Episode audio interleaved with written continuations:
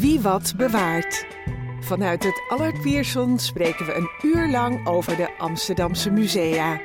Over de tentoonstellingen, de collecties en het werk van de conservatoren. Wie wat wil weten over kunst en cultuur in Amsterdam, luistert naar Wie wat bewaart. Een wekelijks programma van Amsterdam FM in samenwerking met het Allard Pierson. Vandaag presenteert Jeroen de Vries. Ja, weer welkom bij de uitzending Wie wat bewaart. Vanuit de studio van het Allard Pierson. Vandaag heb ik uh, twee gasten met wie ik ga praten over fotografie, kunst en het bewaren van foto's en verhalen. De eerste gast is uh, Nico Koster, fotograaf, ex-galeriehouder en kenner en vriend van vele kunstenaars. Daarna praat ik met uh, Mark Ponte, medewerker van het Stadsarchief en curator van de tentoonstelling Famiri Familie, die momenteel te zien is in het Stadsarchief. Welkom. Dank u wel. Dank u wel, ja. Uh, nou, zoals gezegd, ik begin met Nico. Nico, uh, we gaan het hebben over jouw carrière als fotograaf, galeriehouder en kenner van een heleboel kunstenaars. Dit ook naar aanleiding van het boek Cobra, Koster en meer, wat Ja, jij hebt ja. uitgegeven. Nou, de- ik niet, maar eh, ik heb eraan eh, meegewerkt natuurlijk. Ja. De uitgever is eh, eh, Just uit Groningen. Of, ja, Oké, maar het is te krijgen. Het is te, ja, te is te koop. koop. Ja, ja. Nou, leuk. Bij de buren hier ook, hè. Oh, scheld er maar. Scheltema. hey, laten we beginnen met de fotografie. Hoe, hoe is dat zo begonnen met jou? Ja, ik eh, kreeg eigenlijk eh, een opleiding bij de, bij, in militaire dienst foto, als fotograaf. Dat, nou, dat is ook zo gebleven vanaf dat moment. Ik was dus een soort basisfotograaf op de vliegbasis Twente in de tijd. Ja, is nu niet meer. En ehm, toen ik daar eh, die, die diensttijd voorbij was, toen ben ik in de fotografie gerold. Dus eerst bij, het, eh, gemeente, bij de gemeente Amsterdam. Oké. En daarna, eh, ja, van alles gedaan. eh, winkels overal. En ik ben gelijk aan het fotograferen geslagen. Ja. Ja, dat was al, al vroeg. Onder andere bij de Telegraaf heb je Ja, gewerkt. heb ik ook tot 1988. Ja, ja. En eh, ja, bij de Telegraaf, of nou, ik weet het eigenlijk niet, maar je hebt een aantal iconische foto's gemaakt. Bijvoorbeeld van John Lennon en Yoko Ono. Ja, in- dat was in eh, 1969. ja. Inmiddels, hoe lang geleden alweer? Nou, even- moet ik dat nu uitrekenen? Het is al 60 jaar geleden, geloof ik, hè? 30 plus 3. Ja, in het Amsterdamse Hilton Hotel. Ja, ja. Want eh, dat, dat was de bed-in voor peace, als ik het goed Ja, heb dat was voor, vanwege de oorlog in Vietnam en, en de onrust in de wereld. Ja, Zouden ze nu weer kunnen doen, hè? bij wijze van spreken, zo'n actie. ja dat, eh, dat klopt. Eh, ja, helaas eh, leeft John Lennon niet meer. Maar jij Nee. hebt daar fo- foto's gemaakt. Hoe kwam je daar zo bij? Nou, ik, ik, toen werkte ik nog bij de Telegraaf, dat was met Henk van der Meijden. En die vroeg, hey, heb, je geen, heb je niet zin om mee te gaan? Ik ga John Lennon ophalen. En dan moet je ons brengen naar de Utrechtse brug, want dan komt hij aan met een grote rols, een witte rols. En dan stap ik in en dan rij jij voor mij en begeleid je ons naar het Hilton Hotel. Dus En toen ben je er ook meerdere keren eh ja, ik ben er elke dag geweest. Nou, wat leuk. Ja. Ja, altijd met de lunch zo'n beetje. En je mocht eh, daar gewoon eh, vrij fotograferen. Ja, van, ik kon doen wat ik wou. Ja. Dus dat heb ik ook gedaan. ja, Ik heb dus, eh, 180 negatieven van, van de en die, Bettien. ja, en die negatieve heb je goed bewaard, heb ik begrepen. Nou, juist niet. Want die, toen ik ze nodig had, toen kon ik ze nergens meer vinden. Ik, ik, ik weet niet waar ze gebleven waren, maar mijn dochter die belde me na 40 jaar op. Ja, niet zij is nog geen 40, of toen in die tijd. En toen bleek dat, dat ik ze gestopt had in een eh privémap van, eh, over haar jeugd en alles. Dus die was een doorspitten. Spitten, en toen kwam, ze, ja, toen kwam ze John Lennon tegen. Dus ze belde hem op. Ik denk, nou, dat, dat kost een fles champagne. ja, dat is wel een heel, het is heel erg als je dat kwijt bent, hè, zo'n eh, zo'n serie. Ja, want je wist heel goed wat je gemaakt had, maar je, je Ja. kon het niet meer vinden in Nee. ieder geval. En het is toch, ja, dat had, had wel een internationaal niveau. Ja. Ja, leuk. Ja, want uh, nou ja, je, van je huis maak je ook een beetje museum. Je hebt, aan de voorkant heb je hele grote foto's van John Lennon. Ja, ja dat wisselt nog wel eens. Ik Ah, heb ook wel andere foto's gehad. Ja. Maar deze hangen er nu al een jaar of vier. Oké, ja, leuk. Omdat iedereen dat zo ontzettend leuk vindt. Ja. Dat, eh, Het zijn ook bijzonder. was een bijzonder moment. ja, ja. Hey, en eh, je hebt ook eh, in 1975, geloof ik, de eh, tweede prijs voor de Hard Nieuws World Ja, Press Foto. Helaas, helaas moet ik zeggen. Ja, iedereen zou blij zijn met de tweede plek, maar het is net als de Olympische Spelen. De, alleen de eerste plek telt, hè, als je een beetje bekend wil worden. Dus Ja. daar heb ik altijd de P over in gehad. Oh, was een brandje in New York. Er was een brandje in New York en ja, die won de eerste prijs overigens. Een hele goede foto. Ja. Absoluut winnaar. Hey, en, maar waar ging jouw foto over? Het ging over de, de gijzeling in het. eh, van, eh, hoe heet die straat nou? De Brakhuizenstraat, geloof ik, in Amsterdam Zuid. Bij het in, Indonesisch consulaat. Ja, Dus, en dat was duurde gijzeling door Molukkers, hè? Door Molukkers, ja. ja. En, en hoe heb jij die, wat, wat, hoe, hoe kwam je op die foto? Nou ja, de, pers die duikte natuurlijk op. Dus ik ben in een huis gekropen. Dan kon ik op het consulaat kijken en balkon. En op een gegeven moment eh, gingen die deuren open van het balkon. En er kwam een geblinddoekte man naar buiten. En daarachter zo'n eh, blaffer. ja, dat heeft toen een half uurtje geduurd. En Dat eh, toen gingen ze weer naar binnen. Ja. Dat was du- duidelijk even provoceren, hè? Ja, toen had jij je foto gemaakt. Ja. Leuk. Nou, nou, het was ook een eh, lucky shot, maar ik was er blij mee. Ja. En, eh, maar je, je hebt ook altijd een hele speciale eh, belangstelling voor, voor kunstenaars gehad. Hoe, Ja. hoe is dat zo gekomen? Nou, toen ik, eh, ja, ik heb het eigenlijk opgezocht bij de kunstredactie enzovoort. Want eh, ik, heb, ik heb altijd gevraagd, als er een klus is, dan wil ik dat voor jullie doen. Nou, dat werd Voor de kunst- van de kunstredactie. Ja, ja, dus, eh, en dat, eh, dat lukte, dat werd een vaste prik. Maar eh, waar komt die fascinatie vandaan? Ja, dat. eh, Waar komt die nou vandaan? Ik heb ooit een boekje in mijn handen gekregen, nog voordat ik fotografeerde van Johan van de Keuken, Ja. achter glas. Daar was ik zo van onder de indruk dat ik denk, nou, ik, ik wil fotograferen. En dan zijn de kunstenaars natuurlijk nummer één. Dat is voor mij altijd de hoofdzaak geweest. eh. En je kwam op een gegeven moment bij heel veel kunstenaars eh, binnen. ja, absoluut. Hè? Want je hebt eh, ook veel in, in hun ateliers heb je gefotografeerd. Ja. Wat was die, wie was eigenlijk de eerste kunstenaar waar je zo'n beetje binnenkwam? Dat was eh Corneille. Oké. Corneille die was bezig in, in een atelier op de, op de eilanden. En daar eh, was hij bezig met een, met een deuren te beschilderen voor het eh, gemeentehuis in Assen, geloof ik, als ik me niet vergis. Nou, toen heb ik hem dus goed leren kennen. En ja, toen kwam ik eh, ook in Parijs op zijn atelier. Duizenden foto's heb ik geloof ik van hem. Ja, jullie zijn ook bevriend geraakt hè, op een Ja, gegeven ja, moment. 40 jaar lang. Ja, ja, dat is mooi. En eh, ja, jij hebt ook nou, heel veel foto's, maar je hebt ook heel veel uit archieven over hem, maar ook over de Cobra-groep, waar hij dan deel van uitmaakt, heb je toch eh, eh, boven tafel gekregen. Ja, ik heb altijd gesnuffeld bij Appel en bij Corneille en, en, en waar dan ook. Ja, En eh, op een gegeven moment heb ik daar een eh, boek van gemaakt, Rue Santui, 20. Dat was het atelier waar eh, de Cobra groep zat. Dus daar zat eh, eh, Appel. Constant is een tijdje eventjes geweest, maar die heeft er nooit echt gewoond. Eh Lottie van der Gaag, en de, de, enige vrouwelijke... Oh nee, er was nog een dame. Eh, hoe heet ze? Eh, nou, kan ik even niet opkomen. ja, Maar Lottie van der Gaag, die nu furoren maakt, die is erg gewild op het moment in het Stedelijk en ja. in Schiedam en het Haagse Gemeentemuseum. Maar, maar die Rue Santeuil, dat, heb jij niet meegemaakt. Dat was in de nee, 50 natuurlijk jaar. niet. Ik Dat- heb alleen het materiaal verzameld. Ja, Dus oude foto's uit die tijd. ja, ja. En dat lukte heel aardig. Ja. Want daar is eigenlijk de Cobra-groep ontstaan in die periode in ieder geval. De Cobra groep is ontstaan in, eh, in Parijs, Ja, bij Café Notre-Dame. En daar, ehm, daar waren toen Constant Dautremont, Karel Appel en, en Corneille. En, die, eh, en Constant. Die hebben eigenlijk de Cobra groep opgericht. En dat was in die periode, in, in 19... Dat was in 1948. Ja. En uh, nou, dat, ze hadden niet erg veel... Daarvoor, sorry.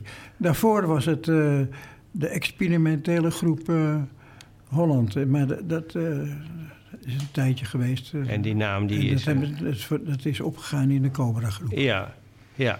En, uh, maar die is toen ontstaan, uh, zullen maar zeggen. Maar ze hadden niet veel uh, geld. Helemaal niks. Het, het zaten in een oude leerlooierij. Ja. En dus, dat stonk naar ratten en weet ik het allemaal wat. En zij zaten erboven. En nou, daar hadden ze acht ateliers in totaal. En er was precies één klein waskraantje waar ze zich konden wassen en verschonen in de gang. Dat was dus echt pure armoede. Pure ja. armoede. En, uh, maar ze mochten daar ook niet uh, blijven slapen, heb ik nee, begrepen. Nee, nee, maar dat deden ze toch hoor. Ja, ja. ja. ja. Nou, wat leuk. En um, nou, sinds, sinds de jaren zestig van toen, toen ben je met ze in aanraking gekomen. Hè? Heb ik dat uh, goed begrepen? Ja, zo ongeveer. De, de allereerste keer met Corneille was, ik meen, in 1969. Ja. Ja. En toen ben je ook Karel Appel en, en al die dingen. Ja, van de een kwam het ander. Ja. En ik was goed bevriend met Herman Krikhaar. Ja. Misschien ken je die? Ja, van de Krikhaar Galerie. De Krikhaar Galerie, ja, ja. Die, die heeft ook Cobra heel erg goed gebracht. Ja. Dus via Herman Krikhaar kwam ik bij alle andere schilders terecht. Oké. Okay. Dus. Want uh, jij bent ook uh, galeriehouder geweest. Hè? Hoe, is dat zo gekomen? Ja, door, door de, dat ik al die kunstenaars leerde kennen. Ja. En, uh, ja, ik kon eigenlijk ook nog wel makkelijk aan werk komen, werk komen in die tijd. Dus uh, ik denk, nou, toen heb ik, heb ik mijn, mijn, mijn, echtgenote, die uh, Jas Marian Jaski was eigenlijk, uh, daar ben ik mee begonnen. En later met uh, Tom Okker. Ja, en jij bent begonnen met Galerie Jaski, die, die Ja. bestaat nog steeds. Ja, ja, dat was met Tom Okker. Ja. Eh, oh ja, oké. En, en die zijn jullie samen begonnen en jullie hadden voornamelijk ook Cobra. eh, ja, eh, Cobra. ja. ja. En die verkochten jullie ook goed. in ieder Aan de lopende band. maar ik was ook een beetje PR-man, hè, dus ik wist het wel te Jij brengen. deed de PR. Ja, ja, nou ja, de PR. De, ik had natuurlijk veel relaties in die tijd opgedaan. Hey, en in die tijd heb je ook gewoon met Corneille, de- je zei al PR, hè? je hebt een aantal eh, ja, stunts met hem gedaan. Maar Ja, het werd niet door iedereen in dank afgenomen, maar eh, tegenwoordig, tegenwoordig doet iedereen het. Hè? Als je in een museumwinkel komt, wat vind je dan wel niet van... van niet, niet in het stadsarchief, denk ik direct, maar wel, wel dat is boeken, geloof ik. Maar Ah, het staatsarchief verkopen ze toch ook eh, Ja, een beetje, dingetjes. Nou, bij het Stadsarchief hebben we ook geen eigen winkel. Hè? Dus Oh, dat is geen eigen dat is een, eh, een boekwinkel die natuurlijk heel erg op Amsterdam eh, Oh, ja, gericht is. Hele maar mooie vooral, boekwinkel. vooral echt wel boeken. En het is gewoon een, eh, ja, een ex- externe boekhandel die in ons Ah, gebouw zit. Ja. Maar goed, mooie je, winkel. zeker. je kan er ook wat kopen. Maar, maar, Ja, ehm, eh, maar goed, eventjes wat stunts met eh Corneille. En dat was Ja. bijvoorbeeld, hè, wat deed je dan? Nou, de eerste grap was eigenlijk eh, met de Society Shop. Eh, die, die vroegen of ik kon regelen of hij een stropdas wou ont- ontwerpen. En dat is een enorm succes geweest. En een ander succesnummer was de ABN-pen. Dat was een, eh, die gaf de ABN eh, in de tijd uit. Samen met een eh, mooie een doosje en zo. Een Parker-pen beschilderd. Nou, er zijn er 125.000 van over de toonbank gegaan. Ja, dat was eigenlijk... Ja, dan kreeg als je je aansloot voor een nieuwe rekening. Ja, ja, ja, oké. Dus dat was een goede PR eh, voor eh, zowel ABN, maar ook voor Corneille. Ja, zo is een beetje. Ja, daarna nog veel andere dingen gedaan. Ik zeg nogmaals, niet altijd in dank afgenomen door collega's of wat dan ook. Maar Want, waarom niet? het was veel te commercieel voor ja, Corneille. ja, ja, ja. Maar ja, luister, Appel heeft ook een Mercedes beschilderd en die heeft ook een sjaal gemaakt en eh, weet ik het, wat voor dingen nog meer. Ja, ja. Dus Maar het, goed. is niet, eh, het was in die tijd al niet ongewoon. Maar ja, nu staan de musea, museumwinkels bol van de, ja. wat je allemaal wel niet kan krijgen van Picasso en Miro. Ja. Maar die zijn natuurlijk dood, maar... Zeker. maar eh, Want de Corneille had eh, ook, eh, heb ik begrepen, die heb ik ook nog wel gezien, Ja. een, een, eh, een, een tram beschilderd. Of Ja. later beschilderd ja, dat was eigenlijk de gelegenheid van het eh 40-jarige bestaan van de Cobra-groep. Dat was gekoppeld aan de tentoonstelling in de Nieuwe Kerk over Cobra. Ja, en toen heeft hij die tram, nou, hij heeft een ontwerp gemagemaakt en die heeft door de stad gereden. Dus Ja, eigenlijk- die reed door de stad een aantal jaren. Ja, Ja, ik kan het me nog wel herinneren. ja, ja. Met zo'n grote Cobra-slang op de tram. Ja, dat was wel een gek ding. ja, ik zag, ja de, de foto's daarvan staan ook in jouw boek in ieder geval. Ja, ja, ja. Hey, en eh, met, in, in jouw boek worden er ook een aantal eh, kunstenaars benoemd met een aantal foto's van jou. Belangrijk, een hele belangrijke is Corneille. Je hebt ook volgens mij eh, veel gereisd met Cor- Ja, Corneille. ja, ja. Ik zie hier een foto van eh, Cuba. Cuba, ja, de, Cuba dat, is een, dat is een prachtige reis. Ben ik twee keer met Corneille geweest in Cuba. Ja, want ik, eh, ik heb wel eens wat eh, zeefdrukken van hem gezien uit Cuba. Die vind, Ja. die vind ik bijzonder mooi. ja, ja, die zijn mooi. Ja. Ja. Maar hoe was dat om, om met Corneille te reizen? Nou, dat- ging heel, heel makkelijk. Dat was eigenlijk eh, buitengewoon gezellig. Oké. Goeie prater was het. Ja? Ja, die hield niet op. Maar dat is juist leuk. Dus. Hey, en jij kende ook, eh, eh, eh, nou, we hebben het net al over gehad, eh, eh, Karel Appel. Ja, Appel, en ja. Appel en, en, en Corneille waren redelijk goede vrienden. Maar dat We is ook- waren, maar dat, in de kobere tijd is er iets misgegaan. En ik weet ook wel ongeveer wat. Het ging, het ging om vrouwen en het ging om geld. Ah.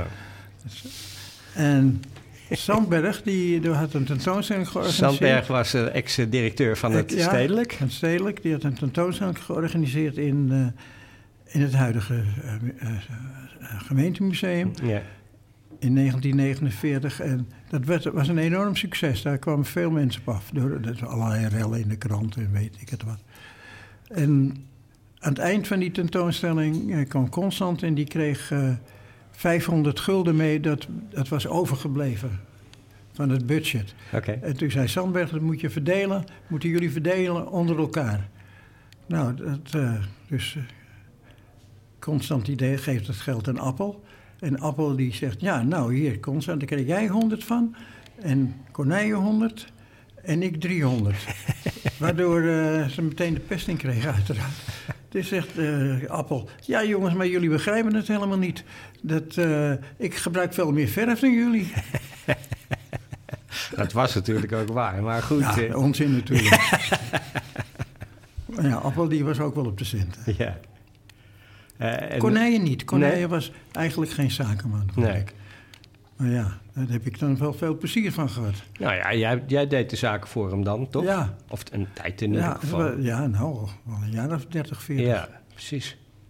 Dus, eh, nou, dat was mooi. Maar eh, is het eh, nog eens goed gekomen tussen die twee? Nou, dat heb ik ook georganiseerd in Hotel Lutetia in Parijs. Toen heb ik voor de krant, moest een kerstverhaal komen. Toen denk ik, nou, dat is leuk. Dan, dan ga ik de verbroedering van Corneille en Appel fotograferen in het hotel. Dat, dat is gelukt. Ik geloof dat het erin staat. Ja, staat foto. En eh, ja, daarna is, hebben ze elkaar ook nooit meer gezien. Dus het, eh, het was even gezellig. Hey, er waren ook andere kunstenaars eh, die, die ja... oh, dit is ook wel een iconische foto. Ja, ja, dat was de, de, Dat- Fokker F100. Ja, Die zou Appel beschilderen. En dat heeft hij op een model gedaan. Een, eh, een modelvliegtuig. Ja, de F-100 die, was, die, die zou geïntroduceerd worden op de Pala- Parijse luchtvaartshow. Le Boucher.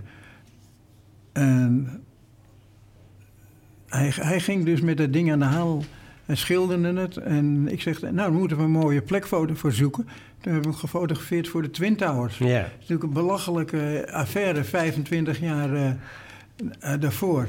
Dat hij met een vliegtuig daar, eh, Ja, met de Twin Towers het, op de achtergrond. Karel Appel met een beschilderde Ja, alle drie be- bestaat niet meer. Het vliegtuig is ook verdwenen. De Twin Towers en Appel is eh, overleden natuurlijk. Ja. En ja, dat, dat beschilderde vliegtuig in het groot is nooit doorgegaan. Nee, nee, nee, en dat kwam omdat Fokker eh, problemen kreeg met, ja, met geld natuurlijk. Ja. Ging bijna failliet, ook al toen in die tijd. Ja. Moesten 1400 man uit en toen durfde Zwartouw het niet aan om, eh, om die grap uit te halen. Zoiets Hij had het wel graag gebeeld. Ja. Ik ook. Maar het is wel een eh, iconische foto, inderdaad. Ja. En die andere die eronder staat is met Johan Cruijff. Ja, want die zagen elkaar dan ook eh, Ja. regelmatig. Nou, niet regelmatig. Ik heb Johan Cruijff zo gek weten te krijgen... dat hij meeging naar het atelier van, van Appel. Ja. Dat vond hij ook wel erg leuk. Ja? Ja. Mochten ze elkaar? Ja, het zijn twee Amsterdammers. Johan Cruijff is geboren in, eh, bij het stadion. En, en op een steenworp afstand in de Dapperbuurt is, eh, is Appel geboren. Ja. Dus Amsterdammers kon, Amsterdammers kon, ja, kon niet anders. Nee. Dus, hè? Leuk. Dus dat heb jij allemaal eh, wel georganiseerd om Ja. bij elkaar te krijgen. Nou, hier, hier hebben we andere kunstenaars. Constant, Constant. heb jij wat...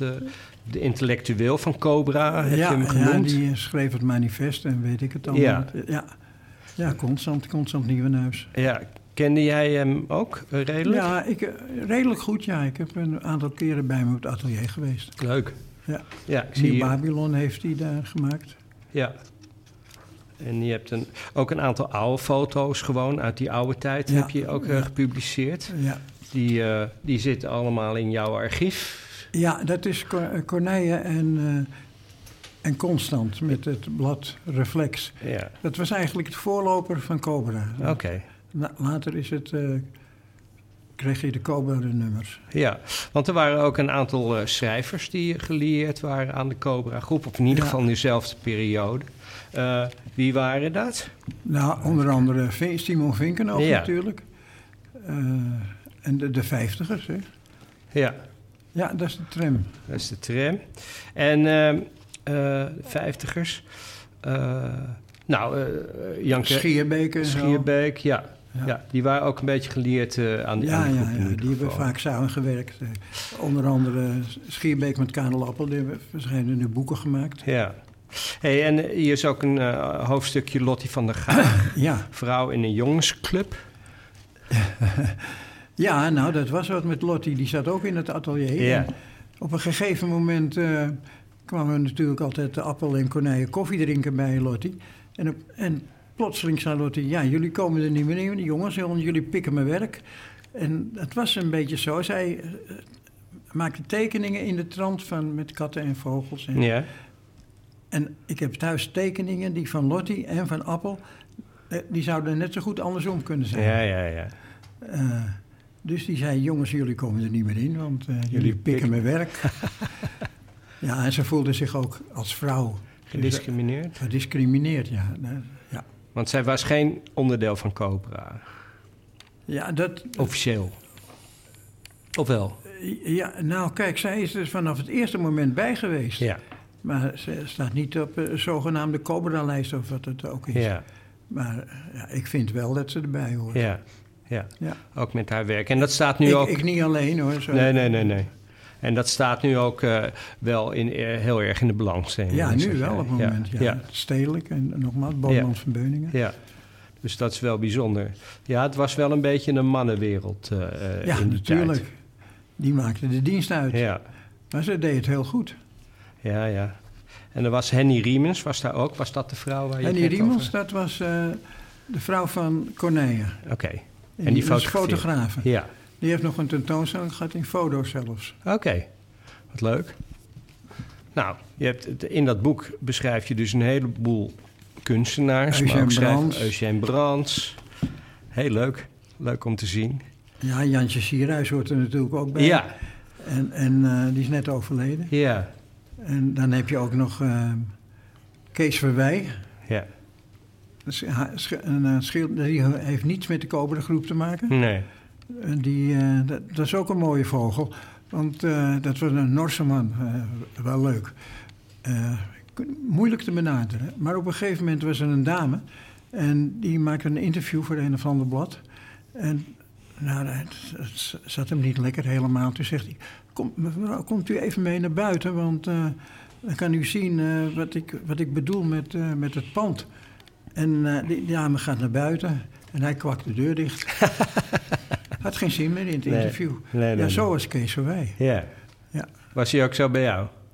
Nee, nee. Ik heb een heel boek van hem gemaakt. Oké, dus. ja. Het atelier van Kees Verwij. Alright. Ja. En Hermans is ook mooi. Ja, Die zat ook in Parijs. ja.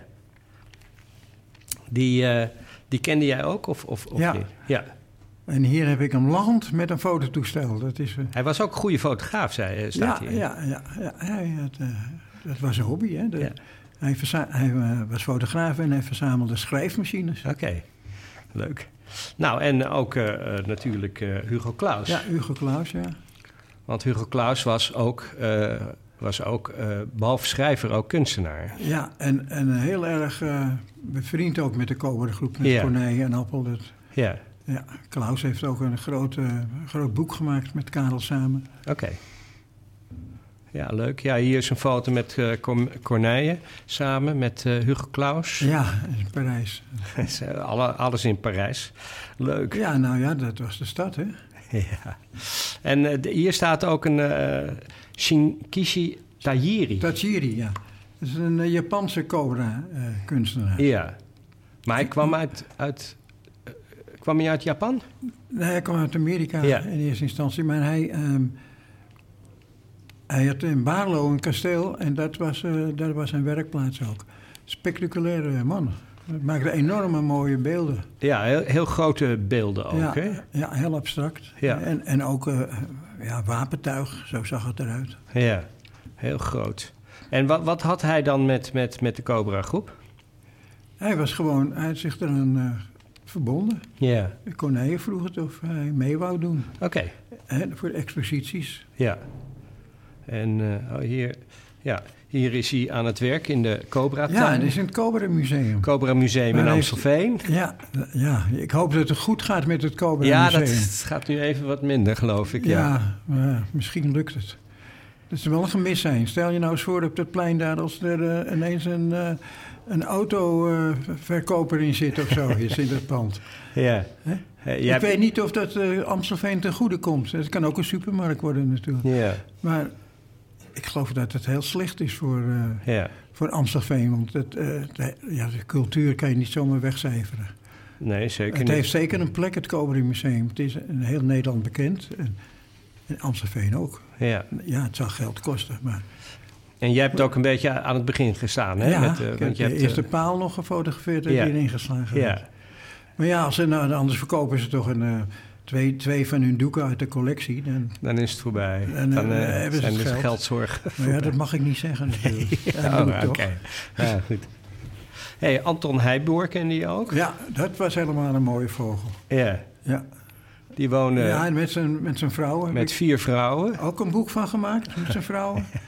en eh, dat, hij was knots, knotsgek, want ik had een keer eh, een aantal lito's, of eh etsen, etsen maakte hij, hè, voornamelijk van die zinkplaten, gekocht. En toen ging ik hem het geld brengen. Dat moest hij natuurlijk cash hebben in die tijd. En dat was 25.000 gulden. En ik, geef, ik tel het uit. Voor mij ook een vreselijk groot bedrag. En hij, hij zei, ah, zegt hij. En dan gooit het zo in de lucht. Laat het op hem neerkomen. Raapt het weer bij elkaar. En stopt het in de bank. In de bank, hè. dus eh zijn zitbank. Zo, zegt hij. Het zit nu in de bank. Dat is hij boer. Oké. ja. Hey, en eh, jij, jij maakt boeken hiervan, hè, van je foto's en zo. Waarom Ja. vind je dat belangrijk om dat eh, vast te leggen? Nou, dat is gewoon gekkigheid omdat ik het leuk vind. Ja. Ja, eh, je wordt er niet rijk van. Nee, oké, maar, maar het zijn wel bijzondere dingen. Ja. En, en je bewaart ook dingen, ook in je eigen huis. Hè? Je Ja, hebt een aantal bijzondere meubels. En boeken die blijven altijd bestaan. Ja. Gewoon een leuk boek over Amsterdam gemaakt. Dat, Ja. dat hebben jullie niet in de boekwinkel. Is het nog verkrijgbaar? Ik denk het niet meer. Nou ja, tegenwoordig doet Het de boekwinkel ook wel antiquarisch. Dus eh, misschien, Ja. eh, ja, als ze het een keer tegenkomen, zullen ze het er ongetwijfeld Als ik, neerleggen. eh, maar- als ik er kom, dan neem ik er eentje voor je mee. Oh, dat is leuk. Ja. Oké, eh, Nico, dankjewel. Ik ga nu even over eh, eh, naar eh, Mark Ponte van het Stadsarchief. Mark, eh, nou, we hebben al welkom eh, gezegd. Je hebt ook al wat eh, dingen verteld. Maar eh, we zitten hier voor de, voor de eh, tentoonstelling die op dit moment wordt gehouden, Famiri Familie. eh, die in het Stadsarchief te zien is. Allereerst even, Mark Ponte, wie ben jij? Wat doe jij bij het Stadsarchief? Ehm, nou, ik ben onderzoeker. Oké. Ik ben historicus ja, en ik werk bij het Stadsarchief als onderzoeker tentoonstellingmaker. Ehm, ja, heb in de afgelopen jaren veel onderzoek gedaan naar de relatie Amsterdam-Suriname, slavernijonderzoek, ook, uh, ook uh, migratiegeschiedenis in het algemeen. Ook heel erg gefocust op de 17e eeuw. Um, en uh, ja, Suriname is een van mijn de belangstellingsgebieden qua geschiedenis, zeg maar. Ik heb zelf daar ook een tijd gewoond. Okay. Dus dat is, nou ja, toen is natuurlijk die, die fascinatie voor de Surinaams geschiedenis en de Surinaamse Amsterdamse geschiedenis, die natuurlijk heel nauw verweven is, al uh, meer dan uh, vier, 400 jaar. En uh, overigens moet ik wel bij vertellen dat de tentoonstelling ook niet alleen in het Stadsarchief staat. Okay. Hij staat, dezelfde tentoonstelling staat ook in het Nationaal Archief Suriname in Paramaribo. Okay. Wat ook wel een unicum is, denk ik, dat het een ten, zeker voor de relatie Nederland-Suriname, dat er een tentoonstelling op twee plekken tegelijkertijd uh, te zien is. Hè? Heel vaak uh, hoor je als je in Suriname komt van nou leuk, je hebt weer een tentoonstelling gemaakt of dat was daar te zien. Maar wij uh, zien er weinig van terug. En in dit geval, ja, is het, het gaat over een gezamenlijke geschiedenis en hebben we het ook op die plek, op twee plekken, zelfs op drie plekken, want we hebben ook een, een, een, een versie van de tentoonstelling weer in Amsterdam Zuidoost staan. Oké. En het is ook een, een samenwerkingsproject geweest. Met het archief, hè? Nationaal, Met het Nationaal Archief Suriname. Ja. ja. Oké, okay, ja. Leuk. Want, um, uh, nou, ik heb het gezien. Het gaat over de relatie tussen Suriname en Amsterdam. En het gaat heel ver terug. Hè, want... Uh, ja, de... de Kijk, wij hebben natuurlijk uh, een enorm archief hier in Amsterdam. Hè, ja. Met, uh, met tientallen kilometers archief. En daar zijn een aantal ja, archieven die tot in de 16e, 17e eeuw teruggaan natuurlijk. En in het bijzonder ons notarieel archief. Waar we al jaren ook met een hele groep vrijwilligers... En, en tegenwoordig ook met allerlei nieuwe technologieën... wat we aan het ontsluiten zijn. En in die archieven zit eigenlijk ja, die relaties die Amsterdam had met de hele wereld. En daar is natuurlijk ja, Suriname een van de belangrijke plekken van. Um, en uh, dat begint niet met de, uh, zeg maar de Nederlandse kolonisatie van Suriname, wat de facto in 1667 plaatsvond en hè, door de Zeeuwen. En later kunnen we het zo nog over hebben, meer in Amsterdamse handen kwam. Um, maar al uh, in de jaren 10 van de 17e eeuw was er een kleine handelspost in Suriname.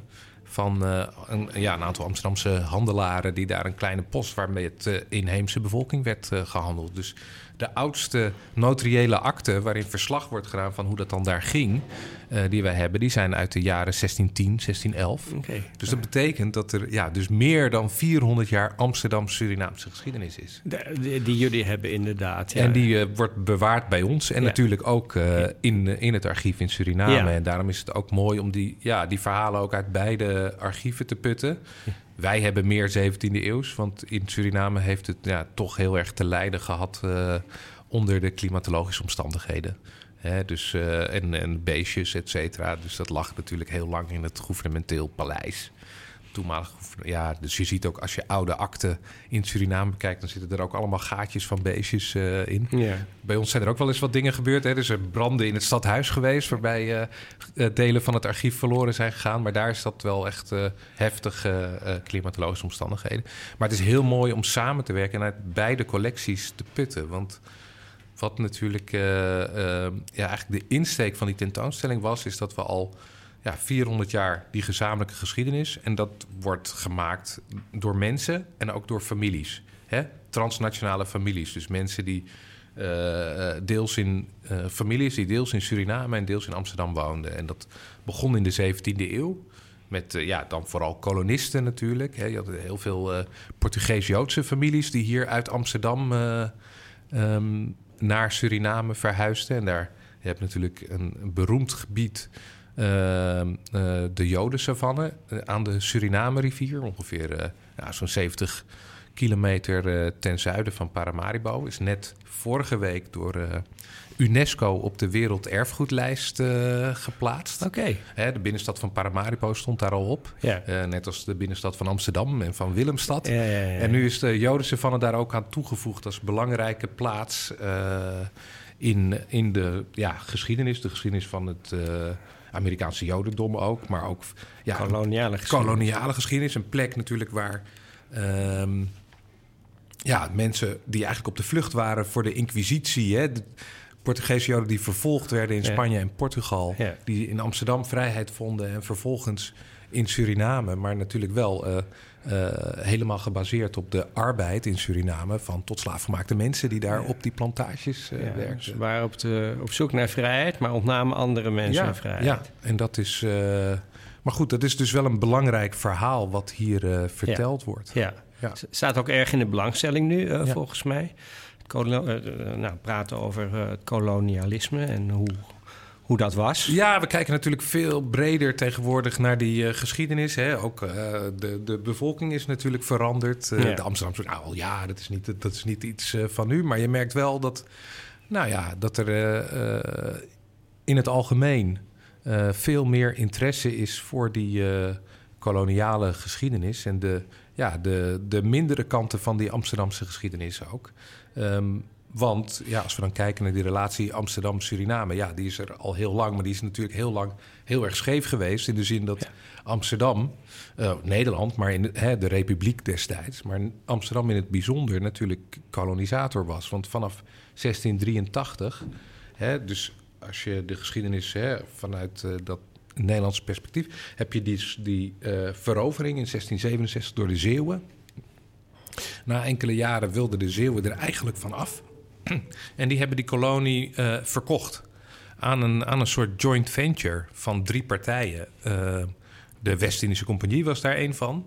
Hè, natuurlijk die compagnie die al die kolonisatie en, eh, en slavenhandel deed. Een, ja, een, een rijke familie van Aartse Sommelsdijk en de stad Amsterdam. En zo kwam dus de kolonie Suriname in handen van deels van de stad Amsterdam. Neem even een slokje water. Ja. Mm. En ehm, eh, niet alleen dat, want eh, natuurlijk binnen die WEC had Amsterdam ook al de overhand. Dus als je dat allemaal bij elkaar eh, stelt, kan je wel zeggen dat Suriname meer dan andere kolonies ook eigenlijk een, een heel Amsterdamse kolonie is geweest. En in het wapen van Suriname heeft ook ja, eigenlijk ja, tot, tot voor kort heeft dan ook, het stonden ook de Andreaskruisen en die stonden ook op het paleis. Ja. Eh, hè, dus die, die relaties zijn heel nauw. En ehm, ja, die zijn ook nauw gebleven tot nu natuurlijk, waarin je eh, ja, talloze families hebben die op, in, op beide kanten van de oceaan leven. En het, het idee van die tentoonstelling, of een ja, maar een van de inspiratiebronnen was eh, eigenlijk een reclame die in Suriname. Eh, en ook wel in Nederland, maar dat is de Surinaamse telecommaatschappij, die heet Telesuur. En die adverteert met een, een soort simkaart die je kan kopen. En die heet dan Twee Landen, één Gevoel. En dat is dan een simkaart. Dat bestaat al eh 15 jaar of zo. Waarin je dus op beide plekken lokaal kan bellen. Dus het maakt niet uit of je in Suriname bent of in Nederland. Maar je, kan, eh, je belt naar elkaar altijd met lokaal tarief. Oké. En dat fenomeen eh, proberen we ook in deze tentoonstelling eigenlijk ja, van een soort van eh, historische context eh, te voorzien. En dan zie je dat natuurlijk dat in de 17e eeuw, hè, in, in het, het zogenaamde rampjaar in 1672, eh, zijn er, is er bijvoorbeeld een schip gekaapt uit, uit Suriname en de, door de Engelsen. En de brieven die op dat schip aanwezig waren, die hebben jarenlang in een archief in Engeland eh, gelegen. Die zijn eh, ja, 20 of 30 jaar geleden zijn die teruggevonden. En als je ehm, eh, alle papieren van dat schip zijn bewaard gebleven, inclusief dus de, de brieven die de gewone mensen die daar woonden eh, naar Amsterdam stuurden. Oh, ja. En dan zie je eigenlijk dat daar, hè, dat laten we in die tentoonstelling ook zien, dat daar hele gewone ja, conversatie natuurlijk is ook tussen die twee plekken. Dus mensen, aan de ene kant gaat het over handelsrelaties, maar eh, ja, ze sturen ook boodschappenlijstjes met van nou, we hebben hier te weinig olie en we willen eh, droog vlees en eh, schoenen hebben we nodig. Ehm, eh, maar ook, eh, ja, hoe gaat het met mijn, met mijn neefje? En ik heb gehoord dat dat die en die is overleden. Je ziet dat mensen ook elkaar nog steeds heel erg op de hoogte hielden... via brieven over het wel en wee op beide plekken. En, en meestal zijn dat soort dingen verloren gegaan... maar doordat je dan zo'n ja, zo'n archief eh, eh, hebt... waar iets bewaard is gebleven, ongeopende brieven... ja, kan je dat toch terugvinden. En, en ja, zo, zo hebben we die, die tentoonstelling opgebouwd uh, uit, in zeven familieverhalen... die zeg maar de hele geschiedenis tot 1975 uh, Ja, want hoe, hoe, kan, je, kan je een voorbeeld van zo'n familie geven?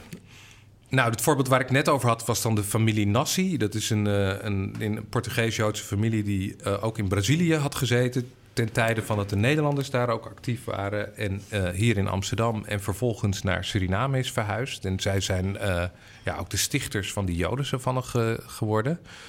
Maar ook weer zo dat je ja, nu bijvoorbeeld op de Dappermarkt heb je een, een, een zaakje. Dat heet Naskip. En dat is een, een, een, kipzaakje waar je gefrituurde kip kan kopen. Fried chicken. En uh, dat is een, een, winkel die in 1962 is opgezet door een meneer Nassi. En vandaar dat het ook Nassi, uh, Naskip uh, heet. En dus niet vernoemd is naar het gerecht Nassi, maar naar de naam Nassi. En okay. Een paar jaar geleden ja, zijn ze ook dus naar Nederland gekomen en zitten ze ook op de Dappermarkt. En zo zijn er natuurlijk tal van ja, economische, culturele verbanden die uh, ontstaan zijn in de 17e eeuw en die tot, uh, tot vandaag de dag uh, eigenlijk, ja, als je het weet, zichtbaar zijn in, hier en in Suriname. Een mooi voorbeeld van een van de familie is de familie Vijmersum. Ja. Want die voorouders, twee daarvan, werden tentoongesteld hier in Amsterdam. Ja. Ja, in uh, 1883, dus dan, uh, dan zijn we ja, 20 uh, en 10 jaar na de afschaffing van de slavernij. Hè, um, die in 1863 werd afgeschaft, maar mensen op de plantages moesten nog 10 jaar doorwerken. Dus 1873 was dat echt uh, afgeschaft. Tien jaar later uh, heb je het eind 19e eeuw. 1883 is natuurlijk, ja, kan je zeggen, de hoogtijdagen van het uh, kolonialisme. Post-slavernij-kolonialisme, maar uh, nog alles hè, ademt die, ja, die rijkdom. En er werd grof geld verdiend in Indonesië en in Suriname nog in die tijd. Um, en nou, er was in, in, in, de, ja, in Europe, tal van Europese steden was er, uh, ja, was de tendens om grote tentoonstellingen te organiseren. En Amsterdam deed dat ook. In 1883 werd hier een koloniale tentoonstelling op het huidige Museumplein georganiseerd. Okay. Hè, dus ook de tijd dat het museum, uh, het Rijksmuseum werd gebouwd. Yeah. Uh, en, het, en, het, uh, en het concertgebouw, et cetera.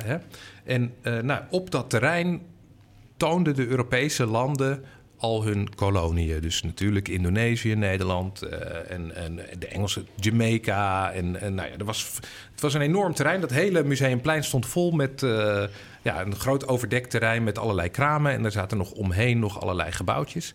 En in een van die gebouwtjes, want wat men ook deed, althans in dit geval vooral uh, de Nederlanders, ze, men toonde niet alleen de producten en de, de rijkdommen, maar ook de mensen van de koloniën. Dus in, op die tentoonstelling waren twee soort van dorpjes nagebouwd. Een Javaans dorp en een Surinaams dorp. Um, en die Surinamers zaten een beetje achter op het terrein... Uh, in een soort hele grote tent. Uh, je zou bijna zeggen een circus tent. Uh, en, en, ja, in, die, die, die, die moesten daar ja, een half jaar lang... Oh, een half jaar? Ja, dat duurde een half jaar lang. Er zijn meer dan een miljoen mensen, bezoekers geweest. Uh, werden ze daar tentoongesteld. Moesten ze een toneelstukje opvoeren als waren ze in Suriname. En dat waren dus uh, verschillende bevolkingsgroepen. Hè, dus de inheemse, uh, wat we vroeger de Indianen noemden. Hè, de inheemse bevolking was daar een aantal mensen. En dan Marons, dat waren afstammelingen van weggelopen slaven. en Afro-Surinamers uit de stad. En dat was een groep van 28. En die wisten eigenlijk niet helemaal waar ze aan begonnen waren. En, uh, maar goed, die waren dus uh, met de boot via Frankrijk en daar op de trein waren ze in Amsterdam terechtgekomen. en, en hebben daar dus een half jaar op die tentoonstelling gestaan. En nou is dat op zich een bekend verhaal. En een, ja, dat is ook heel confronterend. Er is een groot boek van gemaakt destijds. Een antropologisch werk van een Franse antropoloog. Roland Bonaparte, die ook al die mensen en face en en profiel heeft laten fotograferen. Daar schedelmetingen, et cetera, wat ze in die tijd deden. Um, maar het boek is ook een, ja, een bewijs van al die mensen. Want, waarin dus iedereen een portret heeft. Ja, oké. Okay. En, en we hebben deze keer de insteek gekozen inderdaad van die familie Vrijmersen. Want die is ontstaan daar op de tentoonstelling. Amalia Vrijmersum was een van de vrouwen. En die kreeg een relatie met Richard Mazer. En ja, die relatie is nou, misschien op de boot of hè, die is hier ontstaan. In ieder geval is die hier bestendigd. Want enkele maanden na terugkomst in Suriname is hun oudste zoon Samuel geboren. Um, en uiteindelijk zijn er meerdere kinderen. En het is een hele grote uh, Surinaamse en tegenwoordig ook Amsterdamse familie geworden. Zijn weer teruggekomen. Want er zijn natuurlijk ook vrijmersums uh, uit Suriname die zich na 75 hier in Amsterdam hebben gevestigd. En in die tentoonstelling uh, ja, zijn we ook op zoek gegaan naar nazaten in Suriname en in Amsterdam van deze ja, mensen die tentoongesteld zijn. En wat bleek, of dat, hè, dat, dat verhaal ook van dat boek bij hun bekend is. En ze hebben ook dat boek in eigen collectie, zowel in Nederland als in Suriname. En um, zowel in de tentoonstelling als in een film die bij de tentoonstelling is gemaakt, ja, vertellen we dat verhaal ook echt met, met familieleden die nu leven. Oké, dus je, je volgde. Want de aanleiding was dus die wereldtentoonstelling, waarschijnlijk ook dat boek, dus die foto's daarvan. En toen hebben jullie verder. Uh, nou ja, dus ik, ik kende, moet eerlijk zeggen, ik kende dit verhaal omdat ik uh, ooit een, een krantenartikeltje in Suriname had uitgeknipt. 2004 is dat geweest. En daar stond dus een foto van die familie Vrijmersum. En daar stond bij van dat zij dus uh, ja, ooit uh, op die wereldtentoonstelling hadden gestaan. Dat is in 2003, 2004 geweest. Knipseltje heb ik altijd bewaard om een keertje, ja, zoals je dat doet, hè, je, verzamelt van alles, om een keertje te gebruiken. En dit was het, het moment. En uh, zijn we ook echt op zoek gegaan naar die familie. Het is zowel een, een in de tentoonstelling, maar het is ook een documentaire geworden die gemaakt is door Nederlandse en Surinaamse makers. Dus twee mensen in Suriname en twee hier in Amsterdam. En uh, die film is ook te zien op het YouTube-kanaal van het Stadsarchief, mochten uh, mensen dat okay. willen bekijken. Yeah. Uh, en natuurlijk in de tentoonstelling. In de tentoonstelling kan ja, je hem ook en zien. En dan, ja, dan, dan zie je ook van hoe dubbel zo'n geschiedenis kan zijn. Aan de ene kant natuurlijk ja, die, de, het absurde idee dat je mensen tentoonstelt. en, maar dat voor deze familie geldt dat, ja, uh, dat, dat, beginpunt. Ze, het is beginpunt. Zonder die tentoonstelling waren zij er waarschijnlijk niet geweest. Het is een hele raar, raar iets ook om te beseffen, zeg maar. En dat geldt natuurlijk eigenlijk, als je dat doortrekt, geldt dat voor uh, de meeste, of eigenlijk alle Surinaamse families. Die zijn allemaal geraakt door dat kolonialisme. Het is een, hè, er woonde vroeger, uh, dan, niet, hè, dan met uh, nou, die zijn er ook door gelijk, maar de inheemse, die woonden daar natuurlijk al. Ja. Uh, maar alle andere groepen die er zijn gekomen, en Suriname is natuurlijk zeer multicultureel met groepen uit, uh, nou ja, uit Afrika, de slaafgemaakte mensen, later contractarbeiders uit, uit India, uit Java. al die mensen zijn daar natuurlijk, ja.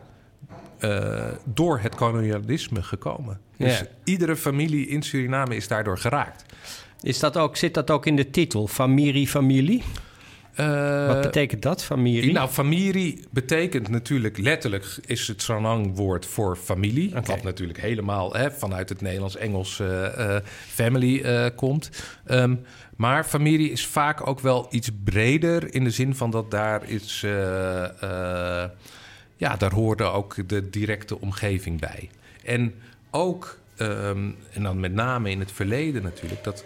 Want een van die kenmerken van dat kolonialisme uh, is, hè, en slavernij en contractarbeid, is dat mensen juist van hun familie werden weggerukt ja. en naar uh, Suriname werden gebracht met dus uh, slavenschepen of later met die contractarbeidersschepen. En uh, vaak juist allerlei nieuwe banden moesten opbouwen. En zo is er ook het fenomeen van Sipi-familie, scheepsfamilie. Is dat ja, dus mensen werden dus uh, op zo'n schip gezet naar Suriname. Uh, uh, erbarmelijke omstandigheden. We kunnen het ja, ons haast niet voorstellen wat daar gebeurt. Maar je ziet dat er hele nauwe contacten dus tussen mensen. Je bent helemaal ontdaan van al je, je familie, et cetera, grotendeels. En dan zie je dat mensen nieuwe relaties aangaan. En dat werd ook wel genoemd Sipi Familie. En dat hebben al die gemeenschappen. En het gaat zelfs zover dat voor soms ook in bijvoorbeeld voor Hindoestaanse uh, Surinamers. dat je eigenlijk niet kon trouwen met iemand die op hetzelfde schip uh, was aangekomen. Omdat je zo. Uh, dat, dat familie was geworden. Oké, dat je mocht niet binnen de familie. Dat eh, kan je, ja, ja, en dat geldt natuurlijk niet voor iedereen. Maar er zijn, hè, ik sprak eh, toevallig eh, de ambassadeur van Suriname. Eh, Die vertelde me dat, die zelf van Hindoestaanse afkomst is. Ja. Ja. Want, eh, eh, nou oké, op een gegeven moment was slavernij afgeschaft, maar er moest nog wel doorgewerkt worden. En toen mo- bleef men, had men eh, werk, werknemers eh, nodig. En dat waren die contractwerknemers. er is een. twee foto's van de zusters Jojo. Die, die, dat waren volgens mij contractarbeiders. Klopt Ja, dat? dat klopt. Ja, na die afschaffing van slavernij, ehm, hè, en dan zie je die tien jaar eh, moesten nog eh eh, slaafgemaakt op de, of, of de vrijgemaakt toen moesten op de plantage nog doorwerken.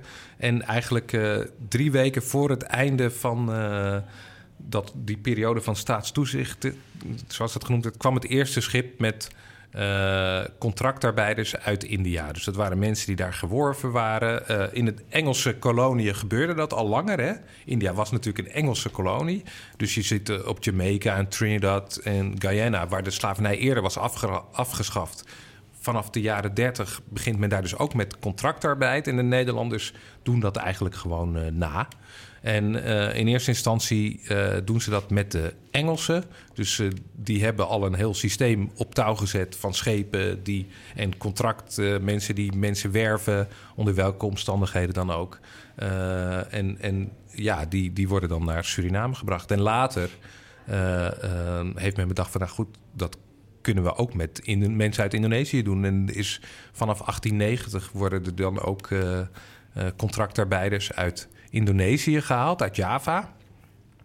En ehm, wat daar gebeurde is... eh, eh, nou, die mensen moesten dus eigenlijk hetzelfde werk doen... als voorheen die slaafgemaakt op de plantage. Dus suikerriet kappen, et cetera, et cetera. Hè? Eh, de koloniale producten eh, planten. Ehm, wat voor de Javaanse groep geldt... is dat in 1890 was er nog geen directe lijndienst van... eh, Indonesië, toenmalig Nederlands-Indië, naar Suriname. En wat er dus gebeurde, is dat zij eh, in een speciale ruimte in de gewone schepen, de gewone lijndiensten, gingen die contractarbeiders eerst naar Amsterdam. En die waren dan enkele dagen of weken hier eh, in Amsterdam werden ze gehuisvest. Ehm, in de, de, de, eh, ja, aan de handelskade.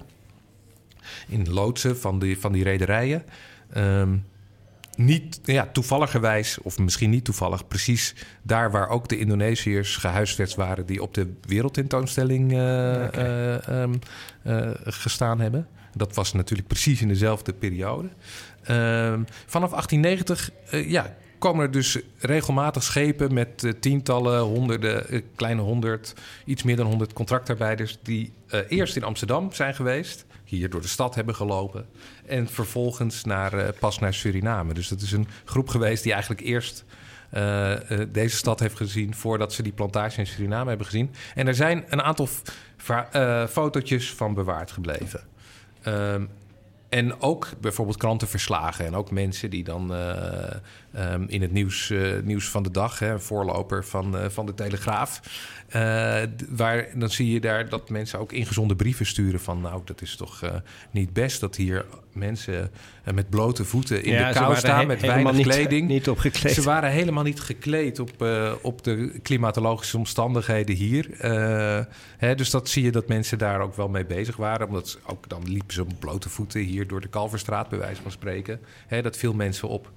Ehm, ja, en die, nou, dat is doorgaan tot aan de Eerste Wereldoorlog. En daarna, nou ja, door de omstandigheden van de Eerste Wereld stokte het aanvankelijk. En toen is men halver, ja, zo eh, eh, 1917, dus tegen het einde van de Eerste Wereldoorlog. Ja, zijn, is er een lijndienst op touw gezet waarin dus mensen rechtstreeks eh, vanuit eh, Indonesië naar Suriname werden gebracht. Maar die, ja, 25 jaar lang is dat dus via Amsterdam gegaan. Ja. En eh, hoe lang is dat dan nog doorgegaan met die contractenarbeiders? Ja, tot, eh, tot aan de Tweede Wereldoorlog. Dus Zo. eh 39 is het laatste schip met eh, eh, Javaanse contractarbeiders eh, naar eh, Suriname gebracht. En er zijn heel veel verhalen ook over dat dat ja, dat die mensen daar wel echt onder allerlei eh, dubieuze omstandigheden geronseld werden. Ja. Eh, die mensen die, die, die kregen dan ook een soort geld hè, om, om mensen eh, Te ronselen. te ronselen, zeg maar. En dat ging niet altijd er, eh, ja, Zachtzinnig. zachtzinnig aan toe. Of zachtzinnig, maar niet altijd uit vrije wil. Of mensen wisten helemaal niet dat ze helemaal naar de andere kant van de wereld Ja. gingen, zeg maar. Hè. Dus je, je sluit een contract en dan blijkt ineens van... nou, je moet op een schip. En maanden later sta je ineens in een... eh, nou ja, een, een, eh, aan de andere kant. Weliswaar ook rond de Evenaar, maar... Ja, duizenden kilometers verder weg. Hey, de, de tentoonstelling familie, familie is vrij toegankelijk. Ja. Eh, en tot 14 januari te zien van volgend jaar, 2024, in het Stadsarchief. Vijzelstraat 32 in Amsterdam.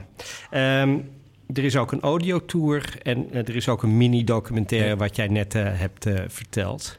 Dus, eh, en ja, eh, eh, eh, Nico, ook met jou... het belang van bewaren en de verhalen eromheen... dat is toch wel heel erg belangrijk, denk Ja, ik. absoluut. Ik was ook wel benieuwd, maar ik weet niet of we daar, maar waar, waar uw foto's worden bewaard. Eh, heeft u een. Bij, de, bij, bij jullie? in, bij het MAI. MAI? Ja. Ja, oh ja. Dat is Nou, daar dus dat wordt eigenlijk mooi- ook bij ons in het stadsarchief. Ja, eh, eh, ik heb, nou je het over Suriname hebt. Ik ben met Corneille ook in Suriname geweest. Echt Hebben we waar? de eerste dagenvelop hier. Ah, kijk, ja, Ja, dus eh, ja. Ik moet, eh, heeft die postzegels ontworpen. ja, ik moet nu eventjes afsluiten, eh, eh, Nico. Maar het boek Cobra, Koster eh, en meer is te koop bij de boekhandel en online in ieder geval. Ja, ja, ja. Nou, in deze uitzending sprak ik met fotograaf en kunstkenner Nico Koster en curator Mark Ponte. Dit was Wie Wat Bewaart, gepresenteerd door Jeroen de Vries met dank aan de gasten van vandaag. Techniek Abe Iping.